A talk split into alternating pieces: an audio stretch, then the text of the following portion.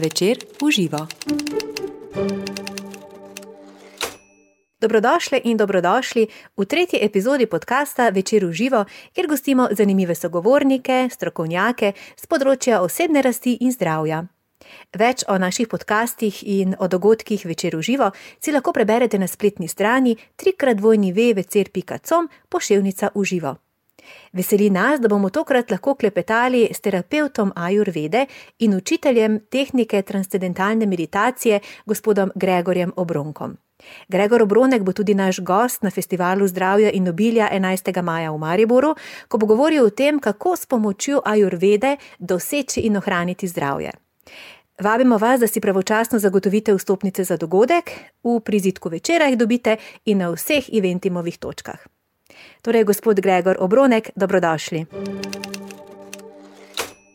Kar je meni najbolj zanimivo pri tej znanosti, oziroma pri tej medicini, je to, da lahko že za pravilno izbiro hrane, pravilno kombinacijo dosežemo in obdržimo zdravje. Drži. Hrana je zelo, zelo, zelo pomembna. Več kot si mislimo. Doskrat spregledamo, da po določeni hrani se počutimo lahkotno, po določeni hrani se počutimo težko, zaspano, po določeni hrani nam, imamo občutek, da nam je ta hrana obtičala. Torej, hrana deluje tako na um ali počutje, kot na našo fiziologijo. Če jemo pretežko hrano, nas bo to počasnilo, če jemo hrustljavo hrano, oziroma suho hrano, hladno hrano, pomeni, da lahko deluje na našo prebavo oziroma odvajanje. Pekoča hrana ali preveč kisla, slana hrana lahko povzroči kislost v telesu. Torej, vse je logično povezano. In ta kisla, kislost lahko povzroča vnetje v telesu in težave povezane s tem. Torej, ja, z eno besedo ali enim stavkom, hrana zelo vpliva na naše počutje, predvsem na naše zdravje. In kaj še recimo Ajurveda pravi o, o, o našem zdravju oziroma našem telesu? Mhm. Ajurveda je veda, ki govori o zdravju oziroma o življenju. Torej, če govorimo o življenju, hočemo živeti življenje polno, torej govori o popolnem zdravju, kajti šele takrat lahko živimo življenje v svojem polnem potencialu. Um, Jedno zanimivo je, da ta, ta uh, nekako v spredje ali pa poudarja tudi ta stik s sabo. Drži, tako, drži. Uh, um, zdravi oziroma išče vzroke bolezni, kar je v nasprotju z tradicionalno medicino, zahodno. Ja, posebnost Ajurvede je ta, da resnično obravnava človeka celovito. celovito Že prej sem omenil tako duha kot telo. Torej, mi se tukaj predvsem ukvarjamo z vzrokom bolezni, ne pa z boleznijo samo. Kajti, če umaknemo vzrok bolezni, uh mhm. -huh. bolezen zgine samo od sebe. Torej, sila preprosto, uh mhm. -huh. seveda potrebno je pa znanje, oziroma človek mora imeti željo, da nekaj sam za sebe naredi. Torej, najlažje je danes jedeti po tabletko ali spiti nekaj, kar preprečuje bolečino, kar zmanjšuje kislino v želodcu, kar pa ni učinkovito na dolgi rok. Uh mhm. -huh. Torej, v Ajurvedi se pretežno poudarja, da preprečimo, da bolezen sploh pride. Torej, Ayurveda obravnava zdravje, ne toliko bolezni. In kako se recimo pa pri nas uh, dopolnjuje ta, ta tradicionalna medicina z uh, Ayurvedo, stopata z roko v roki in se dopolnjuje, tako tujini ste rekli, da lahko izbiraš ne med. Drži. Recimo, nedaleč od nas, oziroma v Evropi, je Švica, kjer uh -huh. se mhm. lahko vsak posameznik odloči, ali želi iti uradno, na pregled, oziroma po pomoč uradni medicini ali zdravilcem, oziroma ajurvedi. -huh. Z roko v roki, definitivno lahko skupaj greta, zelo dobro, lahko se nadopolnjujeta. -huh. Moderna medicina ima danes številne prednosti, ki jih ajurveda nima. Vendar, če se pogovarjamo o uh, ravnovesju, oziroma o zdravju, ja, je pa ajurveda tukaj bom rekel, v eni veliki prednosti. Ja, ja. Ampak zelo pomembno je hmm. pri Ajurvedi, da mi najprej sploh vemo, uh, se pravi, Ajurveda, te, kateri tip. Um, Ajurveda se pravi, do, deli ljudi v tri tipe, ne, v tri duše. In kateri tip smo, na podlagi tega potem mi se prehranjujemo uh, oziroma delujemo. Dajte nam malo o tem razložiti, kaj to pomeni. Drži. Torej, to je cela znanost, Ja. ki jo zelo težko strnemo V par- minut. Ja. Torej, zelo krivično je govoriti v enem stavku, ampak gremo tako pogledati.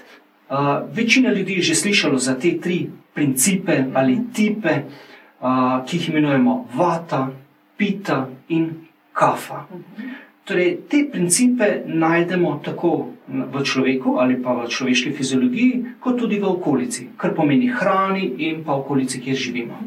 Če pogledamo ljudi, ki so bolj suhi, ja, ti ljudje imajo kvaliteto, uh, oziroma jim rečemo, da prevladuje vata, vata duša, oziroma da so vata tip. Vata ljudje hitreje govorijo, hitreje razmišljajo, veliko razmišljajo, vse čas so aktivni, zmeraj jim zmanjkuje časa, težko vzdržujejo red ali pa zamujajo zelo radi, oziroma ne radi, to imajo v krvi. Se zgodi, ne? Se zgodi, pri njih je to normalno. Torej, imajo tudi temu primerne težave. Torej, v takih primerih je suha koža, zaprtost je tipična vata, značilnost napihovanje, pri ženskah so menstrualne težave. Torej, tukaj smo pogledali ta vata tip. Torej, obstaja tudi živila, ki to vato, rečemo, vržejo iz neravnovesja. Kar pomeni vata živila, oziroma živila, katere ne bi smeli uživati, vata tipi, so podobna kot je človek sam, torej suha, krhka, lahka, a, tista, ki nimajo veliko maščob, a, živila, kot so recimo solata, je tipičen primer Ne, vata se ne, živila, ker je grenka, trpka, tudi Aha. suha, zelo težko jo Ja. pogoltnemo, ne? zato rabimo kis, olje, kaj še rabimo, malo vode, malo Začimbe in tako soli, da je ja. sploh užitna solata. Torej, a, izogibamo se tem živilom, da ne pridemo do večjega neravnovesja. Mhm. Ljudje, ki so pita, ja, ti ljudje so malce drugačni od vate. Pite so bolj natančne, redoljubne, rade imajo dokončane stvari, tisto, kar se lotijo, hočejo temeljito in do konca narediti. Tako posplošeno govorimo, ja? vsi smo vse. Ampak No, to pita, pite, ki so šle iz svojega neravnovesja, ja, so uh, lahko tudi občutljive še na ravni fiziologije, ker meni želodec je bolj občutljiv. Torej, kdo ima rano na želodcu, kdo je prvi dobi, kdo ima težave z kislino, refluksom, najprej pite. In posledično, če pogledamo, tudi ponavadi grešijo uh, ravno s tisto hrano, ki jo ne bi smeli uživati. Ja? Kaj je kisla hrana? Ali lahko rečemo, da je paradižnik kisel? Ja? Pite imajo zelo rade paradižnik rdeče, ja? pite so hitro rdeče v obraz, ja? hitro zardijo ali jezo prepoznamo na obrazu, imajo hitro kožne težave, občutljivo kožo, kar pomeni rdeče ali pa rečemo kislo, še bolj pa pekoče, da to pito v neravnovesje, kar pomeni težave naše se povečujejo. In pa, če pogledamo tretjo konstitucijo, kafa, kafa ljudje so bolj umirjeni, kafa ljudje so malce bolj izi, bolj okrogli, lažje dobijo kilogram, ja, kar vate ne mogoče, da dobijo kilogram. Vate lahko jejo, kolikor hočejo, ne bojo dobile niti grama. Kafa tip je obratno. Samo pogleda hrano in že dobi kakšen kilogram. Ja? Poznamo take Rečejo, primere. jaz sem pogledam, pa se zredim, Točno to. vodo popijem, pa ne. Pravijo, nič ne jem, pa se Ja. redim. Ne? Uh, torej, kafe bi se morali izogibati živilom, ki so kafa oziroma povečujejo kafo. Kakšna so taka živila? Takšne, kakršne so osebe same. Torej, težka, mastna, mlečna, smetanasta, kremasta in tako naprej. Torej, je ena logika v naravi. Torej, samo z enim preprostim opazovanjem ja, vidimo, kje ljudje delajo napake, oziroma bi morali z opazovanjem samega sebe in okolice začutiti, kaj nam pravzaprav ustreza. Večer uživa. Pa ste rekli, ljudje smo mešanica, nismo strogo ločeni uh, na posamezen tip, ampak smo mešanica vseh treh. Ne? Zelo dobro rečeno. Veliko krat ljudje zmotno mislijo, jaz sem vata, jaz sem Ja. pita, jaz sem kafa. Vsi smo vse. Kaj ti vata element skrbi za vse premikanje v telesu ali pa tudi premikanje samega telesa. Pita element je tisti, ki uh, predeluje. Kaj predeluje? Presnavlja, presnavlja čustva. tudi jetra so organ za čustva, oziroma povezan za čustvi, presnavlja hrano. Kafa je pa tisto, kar nas drži skupaj, ta element. Uh, torej, vsi smo vse. Eni so v ravnovesju, uh -huh. eni so zelo težko rečemo, da kašna duša ali ti prevladuje, izstopa, torej so uravnovešeni. Uh, drugim dominira suhost, oziroma so lahko zelo suhi, visoki, uh, tanke lase imajo, to so vata tipi. Uh -huh. In pa pite so lahko, če so otroštve bile močne, pite so lahko malce manjše, nimus. Ja? Torej, če govorimo o neravnovesju, imajo lahko prej bolj rjavkaste, rdečkaste, oranžne lase, kože prej posuta z pegami. Pri meni. Pri vas, recimo. Ja? Vata ima zmeraj bolj suho kožo, tudi temno kožo. Vate gremo travo kositi in uh -huh. po eni uri smo taki, kot da smo bili cel teden na morju, kar je za kafo nemogoče. Kafa ima zmeri belo kožo, jogurt kožo. Torej, zelo težko uh, je reči, mi smo samo ena, ja? tudi po opisu. Ja? Uh -huh. Torej, vsi smo vse, odvisno je pa, kaj prevladuje, oziroma nam je bilo dano tudi za rojstvom. Ja? Tudi za rojstvom določene kvalitete že prinesemo na svet. Ali pa tisto, kar je najslabše, tisto, obravnavamo tisto, kar je šlo ven iz neravnovesja. Ja. Mhm. Se pravi, da zdaj, če sem prav razumela, se skozi različna življenjska obdobja ti tipi nekako pri nas ali, ali, uh, ali poniknejo, ali se poudarijo, ali lahko tudi čisto izginejo, ste rekli, ali je možno? Popolnoma ne, ne izginejo. Ne, ker to ne bi bilo naravno. Ne? To je to, to je, Torej, ja, že ko se rodimo, otroci se rodijo v kafa obdobju, ja? zato so skozi zasluženi, slina teče, so nose imajo zamašene. Smrkavi. Točno to, to je kafa obdobje. Ne? Torej, kafa obdobje je takrat, ko se telo najbolj razvija, raste.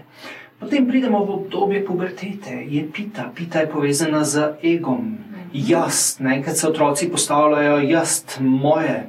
In tudi vidimo, pita je povezana z kožo jetri, kar pomeni, hitro je dobijo mozolje v puberteti.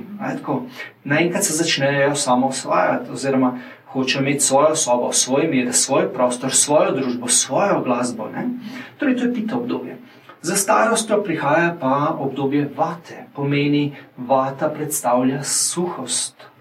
Suhost tako v fiziologiji, kar pomeni, fiziologija se počasi suši, spreminja. Uh, in na nek način je tudi to priprava za naš odhod. Popolnoma naravno. Uh, gospod Obronek, povejte mi, diagno, uh, diagnoza pulza je en zelo pomemben moment v uh, Ajurvedi. Drži. Kaj sploh pomeni, oziroma kako jo vi naredite in kaj vam, kakšna sporočila, kakšne informacije dobite na podlagi te diagnoze? Diagnoza pulza je naš najbolj prefinjen inštrument za diagnozo ravnovesja oziroma neravnovesja ali dož, če rečemo.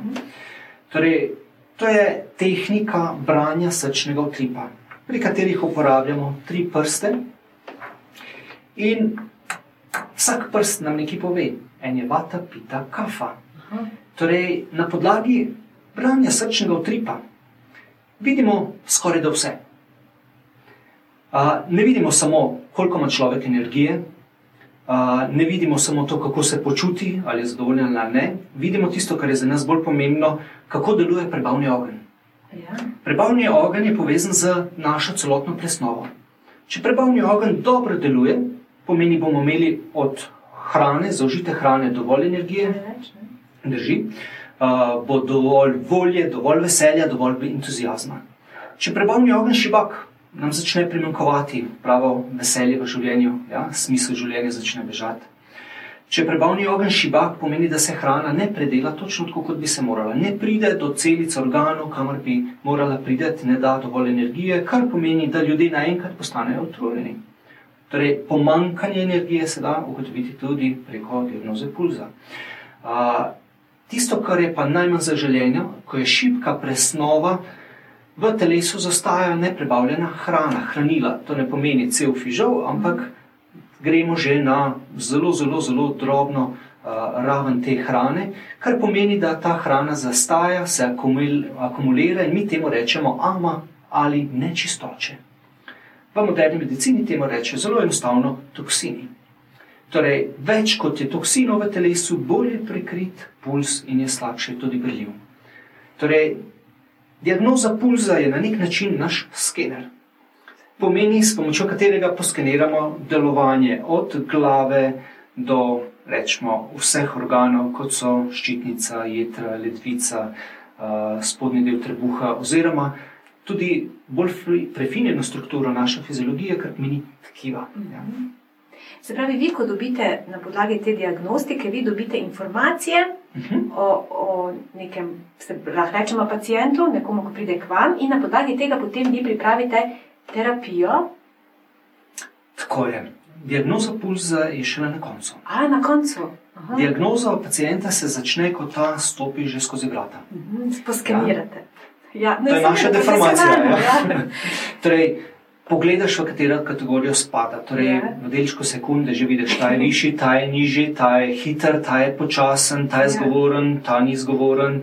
Torej, na nek način že vidiš po koži, ali je v ravnovesju, ni ravnovesju, po pogledu, po, uh. -huh po jeziku, po trebuhu in tako naprej.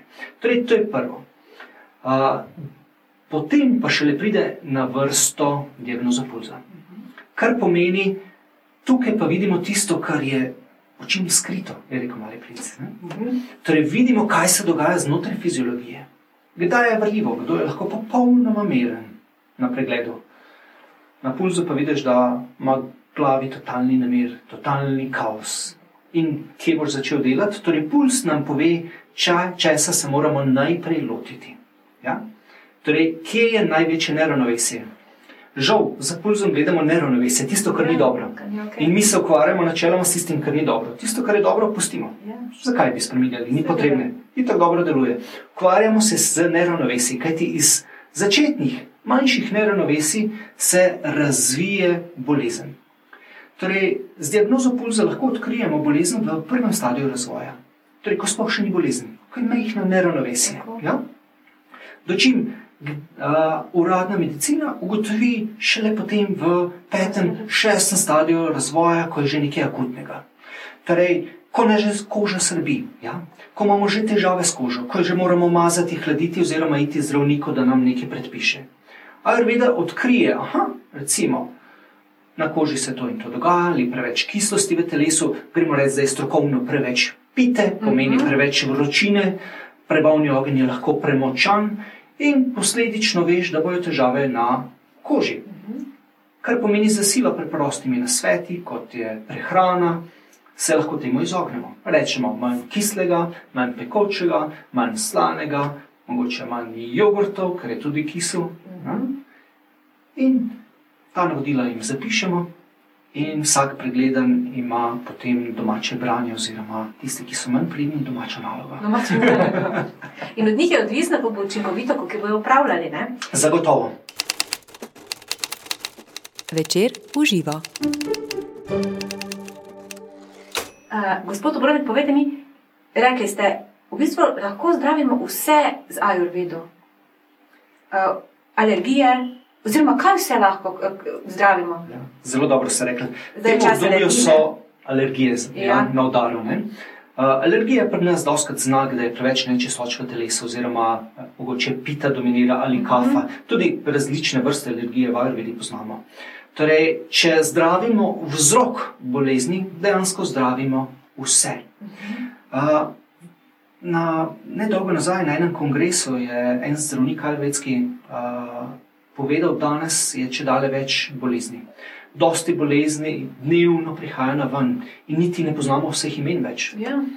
Je rekel, ne se sekirati, v Ajurvedi itak zdravimo neravnovesje.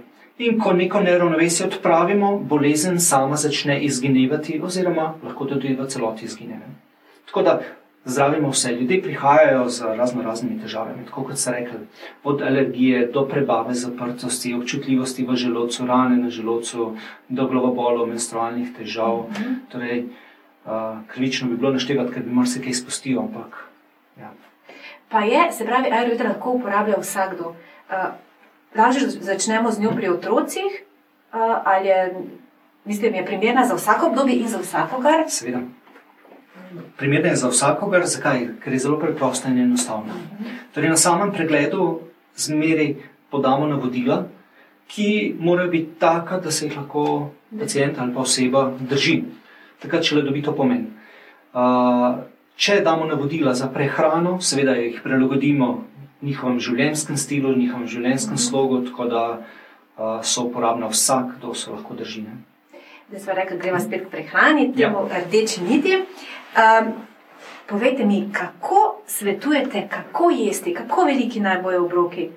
Nekje sem prebrala, tri, tri, kako bi rekla, tri deli, no, zdaj, zdaj na pamet nekaj, ena tretjina hrane, ena tretjina zraka v želodcu, ena tretjina tekočine, ali kak? Drži. Uh, teorije so različne. Ja, Meni osebno iz prakse je Ja. ja. veliko bolj pomembno, kako jemo. no to. Najprej je pomembno, kako jemo, šele potem, kaj jemo. Ker mi lahko jemo samo zdravo hrano, samo bio hrano, samo najboljšo hrano, in če ne v nepravilnem času jemo, če jo jemo z šibkim prebavnim ognjem, nimamo te zdrave ali dobre hrane, uh -huh. pravzaprav nič kaj veliko. Torej, v današnjem času, dosti krat, uh, pa gremo kar od začetka, gremo od Ja. zajtrka. No, recimo tako. Večina ljudi danes sploh nima zajtrka. Če ima zajtrk, ga ima na poti v službo ali stoji. Na hitro, Večina, ne? na hitro, nekaj na hitrega. Uh, dosti krat vprašam, imate zajtrk, rečem, ja, imam. Kaj imate za zajtrk? Kavo. Ne? Aha, pravo, tuško kavo, verjetno mislijo. Recimo, ne? ne? Ja. Uh, malica. Malica je danes postala tudi nek prigrizek, nekaj nehitrega, dosti krat nekaj iz torbice, iz predala vzamemo. Torej, malice so postale kvečemu mašilo, Mašilo. kot neke prave malice. Kosila, kosila počasi izginevajo. Kdaj smo včasih imeli kosila? 12. ob 12. Če pogledamo vse kulture, vse ljudi, kjerkoli hodimo po svetu, je bila ura za kosilo 12. Zakaj? Takrat je sonce najviše na nebu. Kar pomeni, prebavni ogenj je takrat najbolj sposoben predelati hrano. Torej, od presnove imamo največ okrog 12 ure. Pomeni, da kosilo bi moglo biti najbolj obilen obrok. Moralo bi biti toplo, moralo bi biti rečemo, izpolnjujoče, sveže in tako naprej. Torej, kosila zginevajo iz jedilnika. Ko vprašam, kaj imate za kosilo, oziroma kdaj imate kosilo, imate kosilo, pravijo, imam vsak dan. Kaj imate za kosilo? A, solato, zdravo kosilo jem, veste, zdravo jem, veliko solato solata. To je to. Solata ne more biti nikakor kosilo, niti kuhana kosila. Torej, kosila postajajo danes, uh, oziroma glavni obroki so se predstavili na okrog peto uro popovdne, okrog šestih. Torej, zamenjujejo počasi že večerje. Zato večerje v večini primerov postajajo preobilne, pretežke in ljudje hodijo spati kaj za polnimi želodci. Zelo enostavno poruši se celoten presnovni pres- sistem in posledično iz tega tudi izhajajo številne težave. Zato se mi najprej v Ayurvedi ukvarjamo z prebavnim ognjem, presnovo, kar pomeni, pregledamo, kje delajo posamezniki napake pri prehrani, in šele potem uh, jim svetujemo uh, druga priporočila, kot so življenjski slog in tako naprej. ne. Kaj je pa s tekočino, z vnosom tekočine? Pravijo, dva litra popolna dan popit, en je po požirkih, en je pol, da če si že in že ni v redu, je že dehidracija, oziroma Ja, kako ja. kak se orientirati. Uh, lejte, v Ayurvedi ni vse dobro, dobro za vse. Ja? Torej, tako kot smo rekli, vata ne sme jesti suhe hrane, kafa tip, ki je preveč masten, mora jesti suho hrano. Vato pomerja sladko, kafo sladko še poveča. Podobno je tudi z odnosom tekočine. Torej, obstajajo tipi, ki morajo veliko piti, ja? obstajajo tipi, ki zmerno pijejo, in pa tipi, ki morajo malce manj piti. Kafa ima že sama po sebi veliko vode, ja? kar pomeni, ne sme preveč piti, ker bo še dodatno uh, upočasnila svojo presnovo, ki je itak bolj počasna. Kafe tipi so bolj počasni, pomeni bolj počasna presnova. ne. Uh, kar pomeni, njim tudi prepovemo, recimo, lubenice. Melone jim zmanjšamo. Zakaj? Ker vsebujejo veliko vode. Ne? Torej, bolj pomembno kot koliko piti je to, da ne pijemo kaj? Mrzle vode. Aha. Ja? Danes sem bil postrežen za mrzlo vodo. Ja? Mrzla voda je za vse tipe zelo značilna, da kaj dela? Pre, šibi prebavni ogenj. Telo mora najprej izgubiti svojo energijo, oziroma se greti na delovno temperaturo. Mrzla voda je primerna le za pite in seveda takrat, ko so pregreti, oziroma ko v času poletja in Zato v številnih državah se pohecam moški pijo toplo pivo, ne, ja, ne mrzlo. Zanimivo. Večer uživa. Uh, gospod Gregor Bronek uh, bo z nami 11. maja na festivalu Zdravja in obilja v Mariboru. Uh, dobrodošli na dogodku, karte vas čakajo na vseh točkah eventima in v prizitku večera. Um, kaj pa post, kaj pa o postu pravi um, Ajurveda? Tako kot smo rekli, skoraj da ni univerzalnega pravila. Ja? Različna pravila za različne tipe, oziroma doše, vata, pita, kafo. Spet bi tukaj malce drugače povedal. Posti so seveda priporočljivi, so dobri, ne za vsakogar. Najbolj pomemben post v moji praksi je ta, da jemo šele takrat, ko smo resnično lačni. To pomeni, ko smo še popolnosti prebavili naš predhodni obrok, šele takrat lahko zaužijemo naslednji obrok. Večina ljudi dela napako, da je takrat, ko sploh niso lačni. In to je tudi en od vzrok, vzrokov za številne težave. Uh, torej, posti, poglejmo primer za pito. Ja? Pita ljudi, ki so bolj vroči, bolj temperamentni, močan intelekt, natančni, precizni, smo rekli, imajo zelo podoben tudi prebavni ogenj oziroma presnovo. Pita osebe imajo močan prebavni ogenj, veliko krat premočan, kar pomeni, pri njih je zelo pomembno, da imajo obrok točno na uro. Ja? Kar pomeni, ne prenesejo lakote. Takrat ne morejo delati, ne morejo biti zbrani. Ja? Zato rabijo poslovno kosilo, poslovno večerjo, poslovni zajtrk. Ja? Zakaj? ko se najejo, lahko šele razmišljajo. Torej, v primerih, ko je pita močna, posti niso priporočljivi, ja? ker to pito vržejo še bolj iz neravnovesja.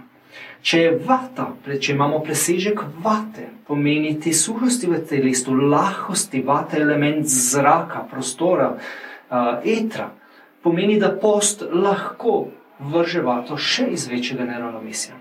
Torej, ne delamo postov takrat, ko smo v neravnovesju.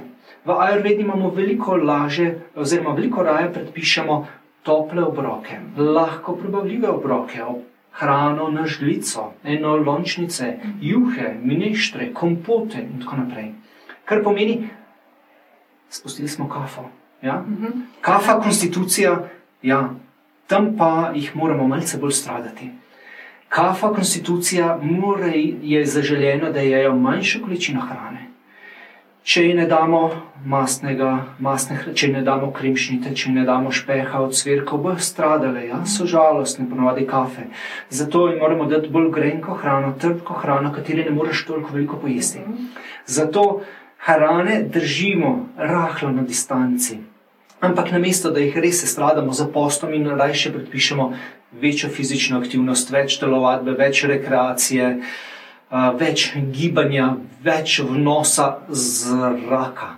Vata je zrak, ja? oni so pa sestavljeni, kafa je sestavljena iz elementa, najtežje elementa sta v naravi, kaj zemlja in pa voda. Ja? Torej jih spravimo v gibanje. Seveda, obst pardon, ne, ne, kar... obstajajo tudi posti, oziroma mi jim rečemo uh, čiščenja, veliko bolj lepo se sliši, kjer čiščenje. damo ljudi ja, čiščenje, kjer jim predpišemo režim, recimo enotedenski režim uh, čiščenja, kjer so pretežno na tekoči hrani, jušnati hrani, na lončnicah, kot sem že prej omenil, in jim damo ustrezne preparate temu primerne, tako da je efekt uh, pozitiven in dolgoročno ne razrušimo ravnovesje teh naših dos. Smo se dotaknili uh, fizične, fizičnega gibanja, se pravi rekreacije, pa me mhm. zanima, je uh, Eh, glede na tipe, zdaj smo rekli, da je ta, ki ima zelo počasen, za kafa tip. Kafa tip. Ja. Za njega je se pravi gibanje priporočljivo. Drži. Kaj pa za, za ne vem, pito, pa, ki ste že, že sicer recimo. Um, ja. Ali je za vse tipe priporočljivo? Zagotovo. Gibanje je potrebno za vse tipe. Ja? Mm. Uh, moramo skrbeti za svojo fiziologijo, svoje mišice. Ja. Pite so tudi zelo športni tipi, ja? mm -hmm. ker smo rekli, da so pite ostre, natančne, precizne, temperamentne. Jih najdemo ponovadi v tekmovalnih športih. Ja? Recimo, rade imajo tenis, rade imajo adrenalinski šport, rade imajo tam, kjer se morajo boriti, da zmagajo. Ja, Ja, da so to so najboljše. pite, ne? Ja, ja. Evo. Čeprav tudi ne smemo reči, da, kafe, da so vse kafe debele, počasne, umirjene.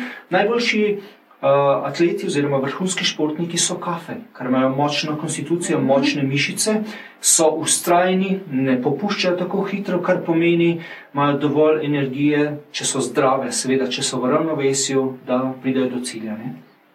Krasno. Uh, gospod Obronek, da se še dotakniti masaže, ki je prav tako pomemben element ajurvedi, se pravi ajurvedska masaža. Drži. S poplavo spa centrov uh, No. In masažnih centrov je prišlo veliko krat do napačnega prepričanja ali predstave, da je ajurveda masaža. Seveda, ajurveda tudi vključuje masaže, vendar je veliko več od masaž. Obstajajo prav klinike v tujini, oziroma, ki so specializirane za ajurvedske masaže, in masaže so samo del teh tretmajev, ki trajajo terapije cele dneve. Zagotovo je pa priporočljivo delati samo masažo. Zaved- Seveda je dobro tudi kam drugam, da te druge zmesirajo. Vse vemo, da je to sproščujoče in vse, kar je sproščujoče, pomirjujoče, blagodejno vpliva na vse tri duše. Torej, tukaj je zelo pomembno poudariti, da ni samo hrana ali gibanje tisto, ampak je tudi zavest. Zato je Ayurveda a, tako celovita, ker obravnava tako zavest kot telo. Torej, ne samo, da skrbimo za naše telo, moramo skrbeti tudi za našo zavest. Zato dosti krat prepišem samo sprehode, tako umirjene, sproščene, sproščujoče. Veliko krat ljudem predpišem kakšno dihalno vajo, prana jamo, ali pa jih napotim na učenje meditacije, prave meditacije, se tukaj pogovarjamo. V tem primeru v Mahrši Ayurvedi najraje svetujemo tehniko transcendentalne meditacije, To tudi vi učite, ne? tudi to, to je moja prva ljubezen. Uh, in na nek način skrbimo tudi za higieno našega duha. In potem pridejo tudi na vrsto masaže. Uh, obstaja več vrst masaž. Zelo dobre so masaže, kjer se res za oljem zmasiramo celi. Tako univerzalno olje za vse tri tipe je lahko oljčno olje. Uh, pite se morajo hladiti, je bolj priporočljivo kokosovo olje, uh, vate, vata tip zmeraj zebe, ja? kar pomeni, smo bolj hladni, potrebujemo olje, ki greje, je eno najboljših olj, sezamovo olje. Torej, tudi tukaj ni vse za vsakogar. Uh, in te masaže lahko izvajamo pred tuširanjem, po tuširanju, odvisno, kaj ljudje zmorejo, oziroma uh, jim določimo na pregledu, so pa zagotovo zelo pomembne in zelo, zelo priporočljive. Gregor Obronek bo torej naš gost na festivalu Zdravja in obilja 11. maja v Mariboru. Poleg njega bomo gostili še Sanjo Lončar, iskalko naravnih rešitev za zdravje in dobro počutje, zeliščarja Beneta Behriča in trenerko transurfinga realnosti Manco Rampre. Bodite z nami, pravočasno si zagotovite vstopnice, na vas čakajo na vseh eventimovih točkah in v prizitku večera. Veselimo se druženja z vami. Srečno! Večer uživa.